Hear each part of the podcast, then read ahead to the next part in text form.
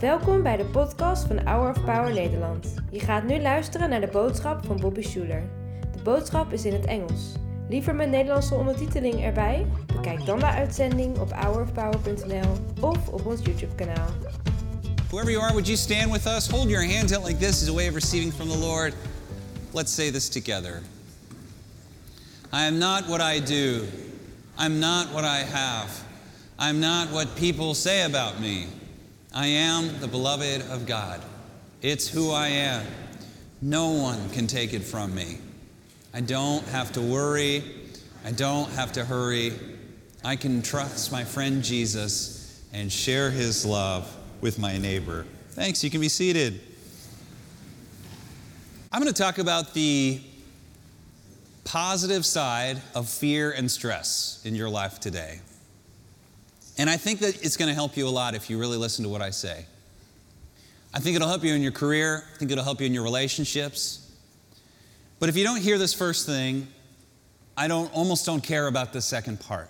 Here's the first thing. I want you to repent and believe the gospel. I want you to have eternal life. I want you to recognize that God loves you just as you are, not as you should be. And that even now He's working to bring you home in Him. That all of us are born with a hunger and need to know and to be with God. And many of us think we can't do it unless we sort it out ourselves. But God has already sorted it out for us through Christ crucified. And I will encourage you that if you trust in Him, that you, you will be forgiven and that you can start a whole new life today. Many of us, all of us in this room, have done stuff we've regretted. We have shame. We have thing that was done, stuff that was done to us, things we were part of, and we still regret it. I want you to know God still loves you just as you are, and not as you should be. And even now is willing to transform you into a whole new creation. Everyone in this building is alive for a reason. And a part of it sounds crazy, but a part of capturing that reason is first being at peace with God. And you can be at peace with Him today. If you trust in the Lord Jesus Christ, you will be saved. And if you do that today, I want you to invite Christ into your heart. I want you to get baptized. If you're watching on television, I want you to plug into a good Bible believing church. It's the best decision you can make in your life. Now, there is so much unbelievable, world changing power in this room. An incredible amount. It's incredible what you think about what Jesus' 12 disciples, who were nobody fishermen, college age teenagers, all of us are here in this building because of those 12 guys in Israel 2,000 years ago because they believed on the Word of God and acted on it. And it is, that is in and of itself a testimony for what you can do in your life if you simply have faith and trust in God. And I want to communicate a philosophy to you today that's helped me a lot about fear and stress. To actually see fear and stress is a good thing, uh, something that can help you, something that can be a compass and a guide, something that can make you stronger, something that can show you what you really want and desire out of life. Almost for sure, everything you want in life, the thing you really want, the thing you were born to do, the art you were made to make, the business you were made to create, the ministry you're called to found, that between you and your destiny lies this scary shadow of a thing, this thing you're afraid of. That the way maybe you've always responded to it is by simply pretending like it's not there, when in fact it's iron- ironically pointing you to the very thing that you need. We'll talk about that. You were born to do something great. You're born to change the world, you're born to change culture, society, make a thing. In fact, God's, the Bible says we're created in God's image. And if there's one thing other than love that would describe God, it's that He's a creator. I mean, look at the universe that we live in. All the colors and shapes and different things God is still creating today. And, to, and in a way, to be made in His image is to also be a creator, be a maker, be a doer, to form things. And every day that we give into fear, we betray ourselves. Every day, that we look at the thing between us and where we want to be in life and we say, I'll do it tomorrow. Or we say, actually, I'm going to go watch TV. You're called to be a gift to the world. And I, I think so much of the stuff that we're ashamed of, so much of the what we think of as sin, or just outright sin or even harm that we do to others or to ourselves is very often us giving into the stress or the fear that lies between us and our destiny. So today I want you to see first stress as something that grows you. You've probably heard it before, but it's worth repeating. I was in seventh grade and I went to a Young Life religious camp, and you know, 90% of it is just having fun, to be honest with you. And in seventh grade, I had no problem with that. And one of the fun things we did was this thing called the blob.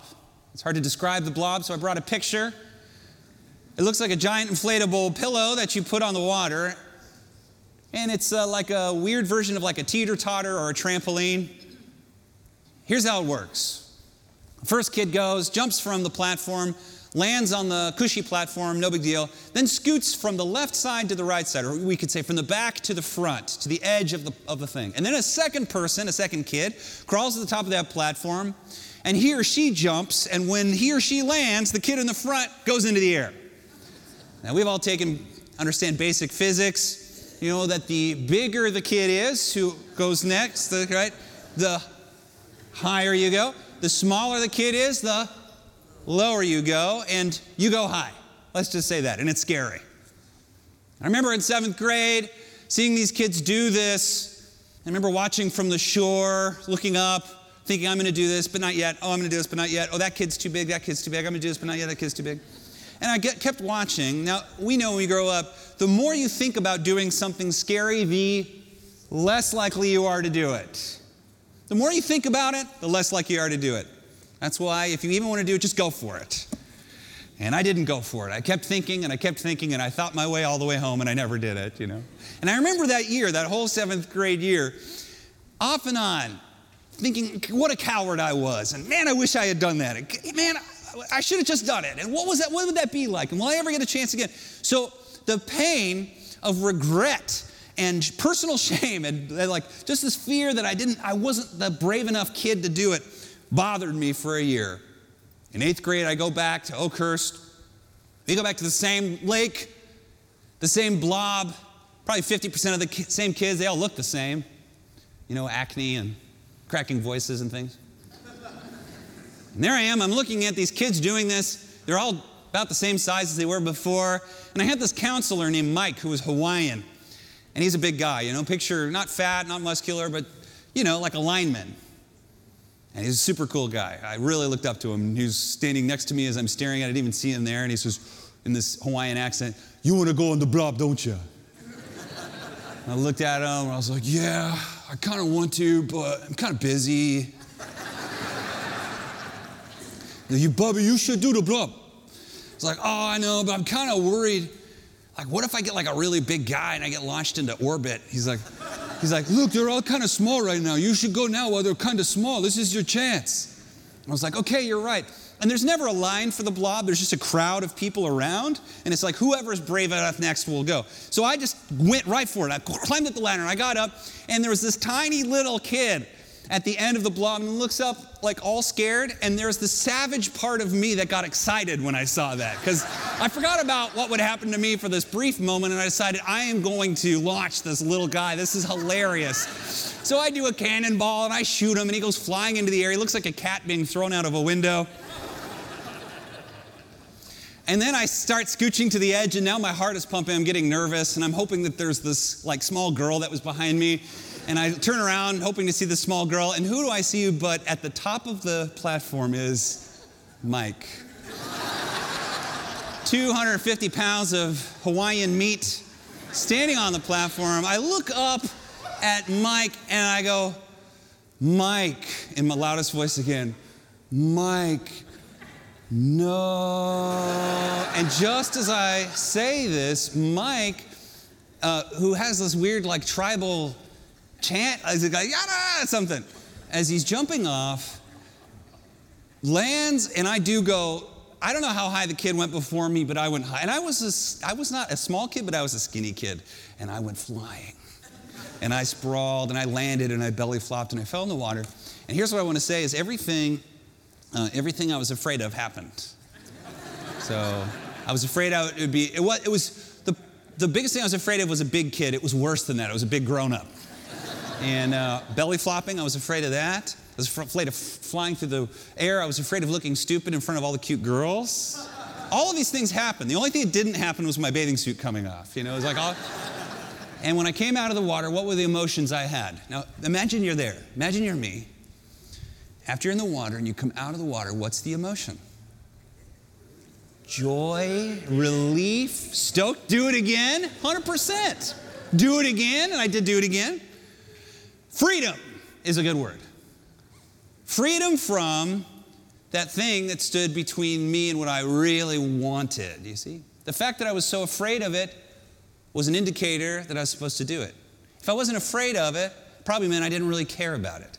But in general, when it comes to creating a work, starting a business, talking to someone, when it comes to doing anything that is of real value, anything that has real value to you, the more you're afraid of doing it, the more you care about it, the more it matters to you, and probably the more it matters to God. And this is why it's time to see fear in a weird way as a gift, saying, here's the next thing you're supposed to do. Here's what you're supposed to do next. And the way we give into fear is not by just not doing it. We give into fear by all, we all do the same stuff. It's TV, food, partying, substance, whatever. It's whatever your crutch is. And not, most of the stuff is not bad. Most of this stuff is not bad. And it's fine if you use it as a reward. But what we do is we use it as a way to say, tomorrow. We even do some good things, right? I'll do a different ministry. I'll do, a, I'll do a different artistic thing. That's not as important to me because I'm not afraid of that. If you're not afraid of it, it probably isn't that important to you in terms of doing a new thing. And so we get to the scripture from today, John 3:16. How many have heard this Bible verse by a show of hands? It says, "For God so loved the world that he gave his only begotten son that whosoever believes in him shall not perish but have everlasting life." Okay, this is in context a message that is given to a famous rabbi by another famous rabbi, Jesus, they're talking. This old man says to Jesus, basically, all of us rabbis are basically jealous of you, but we know you're from God. We know that God sent you. And Jesus says to him, if you want to inherit the kingdom of God, you need to be born again or born from above. And you need to be born of the Spirit. You need to be born of water and spirit. And Nicodemus says, I don't even know what that means. Jesus says to him, You are a teacher of Israel's people. How can you not know what I'm saying to you? he says this, something like this, this is my interpretation, okay? He says, You hear the wind blow and you see what the wind does, but you don't see the wind. You see the results of it. And he says something like, You hear a sound, but you don't know what causes the sound, but you know something caused it. And he says, So it is that of someone who's born of the Spirit and born of water and born from above. You need to be a new creation. Something happens, in other words, in an invisible place in your life that you're a completely new creation. And then he says, The Son of Man needs to be raised up in the same way that Moses raised up the snake in the desert. So, what's he talking about there? Really interesting, very weird passage from the Torah. In the book of Numbers, just after Aaron dies, actually, the people are in the wilderness and they're wandering, and these snakes begin to bite them. And many of the Israelites are dying. So they cry out to their leader, Moses. Moses, we're being bit by snakes. Ask God to stop the snakes. God asks Moses, Will you stop the snakes? And God says, Nope, I'm not going to stop the snakes. I made snakes. No, this isn't what the Bible says, me talking, you know. I made the snakes. You're in their hood, you're in their neighborhood. You know, snakes, snakes are biting you for reason. He goes, This is what I, what I want Moses to do make a bronze snake, put it on a pole, and raise it up. And anybody who looks at the snake will be healed of the poisonous bite. Now, if you're Jewish, this is a really weird scripture for a lot of reasons, right? Number one, the, one, the first commandment of the Ten Commandments, you have no other gods before me, right? There's, you don't make idols. You don't make graven images, especially of animals, and especially of the very worst animal, the snake, the serpent, that represents who? Satan, right? It's a symbol of Satan. Why would you make an image of Satan and have people look at the image and be healed? Why would you do that? Uh, Carl Jung, I'm not a, a professional in Carl Jung, famous uh, psychoanalyst. But you know, he was, his father was a, a minister, and he himself wanted to be a pastor, but instead became a, a psychotherapist, you know, founder of real modern psychotherapy. And he had a great way of reading these scriptures from a soul perspective. And he said, and I think this is actually based on another rabbi, because I found an old original text from a couple thousand years ago, but he, he said, and I think a lot of other Jews believed this at the time, that, that what's happening is when a snake bites us, we want to say to God, take away the snakes. But God says, no, I'm going to make you a snake charmer. Or no, I'm going to make you bigger than the snake. We say, take away the desert. And God says, no, I'm going to make you tough enough to get to the desert. We say, take away the giants. He says, no, you're going to go in and slay the giants. Do you understand that this is what the scripture is about? That God does not want us to ask Him to make it easier, He wants us to ask Him to make us stronger, better, and most of all, to face our fear and to even see our fear as under His judgment and control. When Moses raises up the pole with the snake, what they're called to do is look at the thing that they're afraid of. Just look at it. And when they look at it and stare it in the eyes, stare it in the face, look at this image, they are becoming who they're called to be. People who don't back away from what they're afraid of, but stare it right in the face and walk towards it. And that is when you are healed.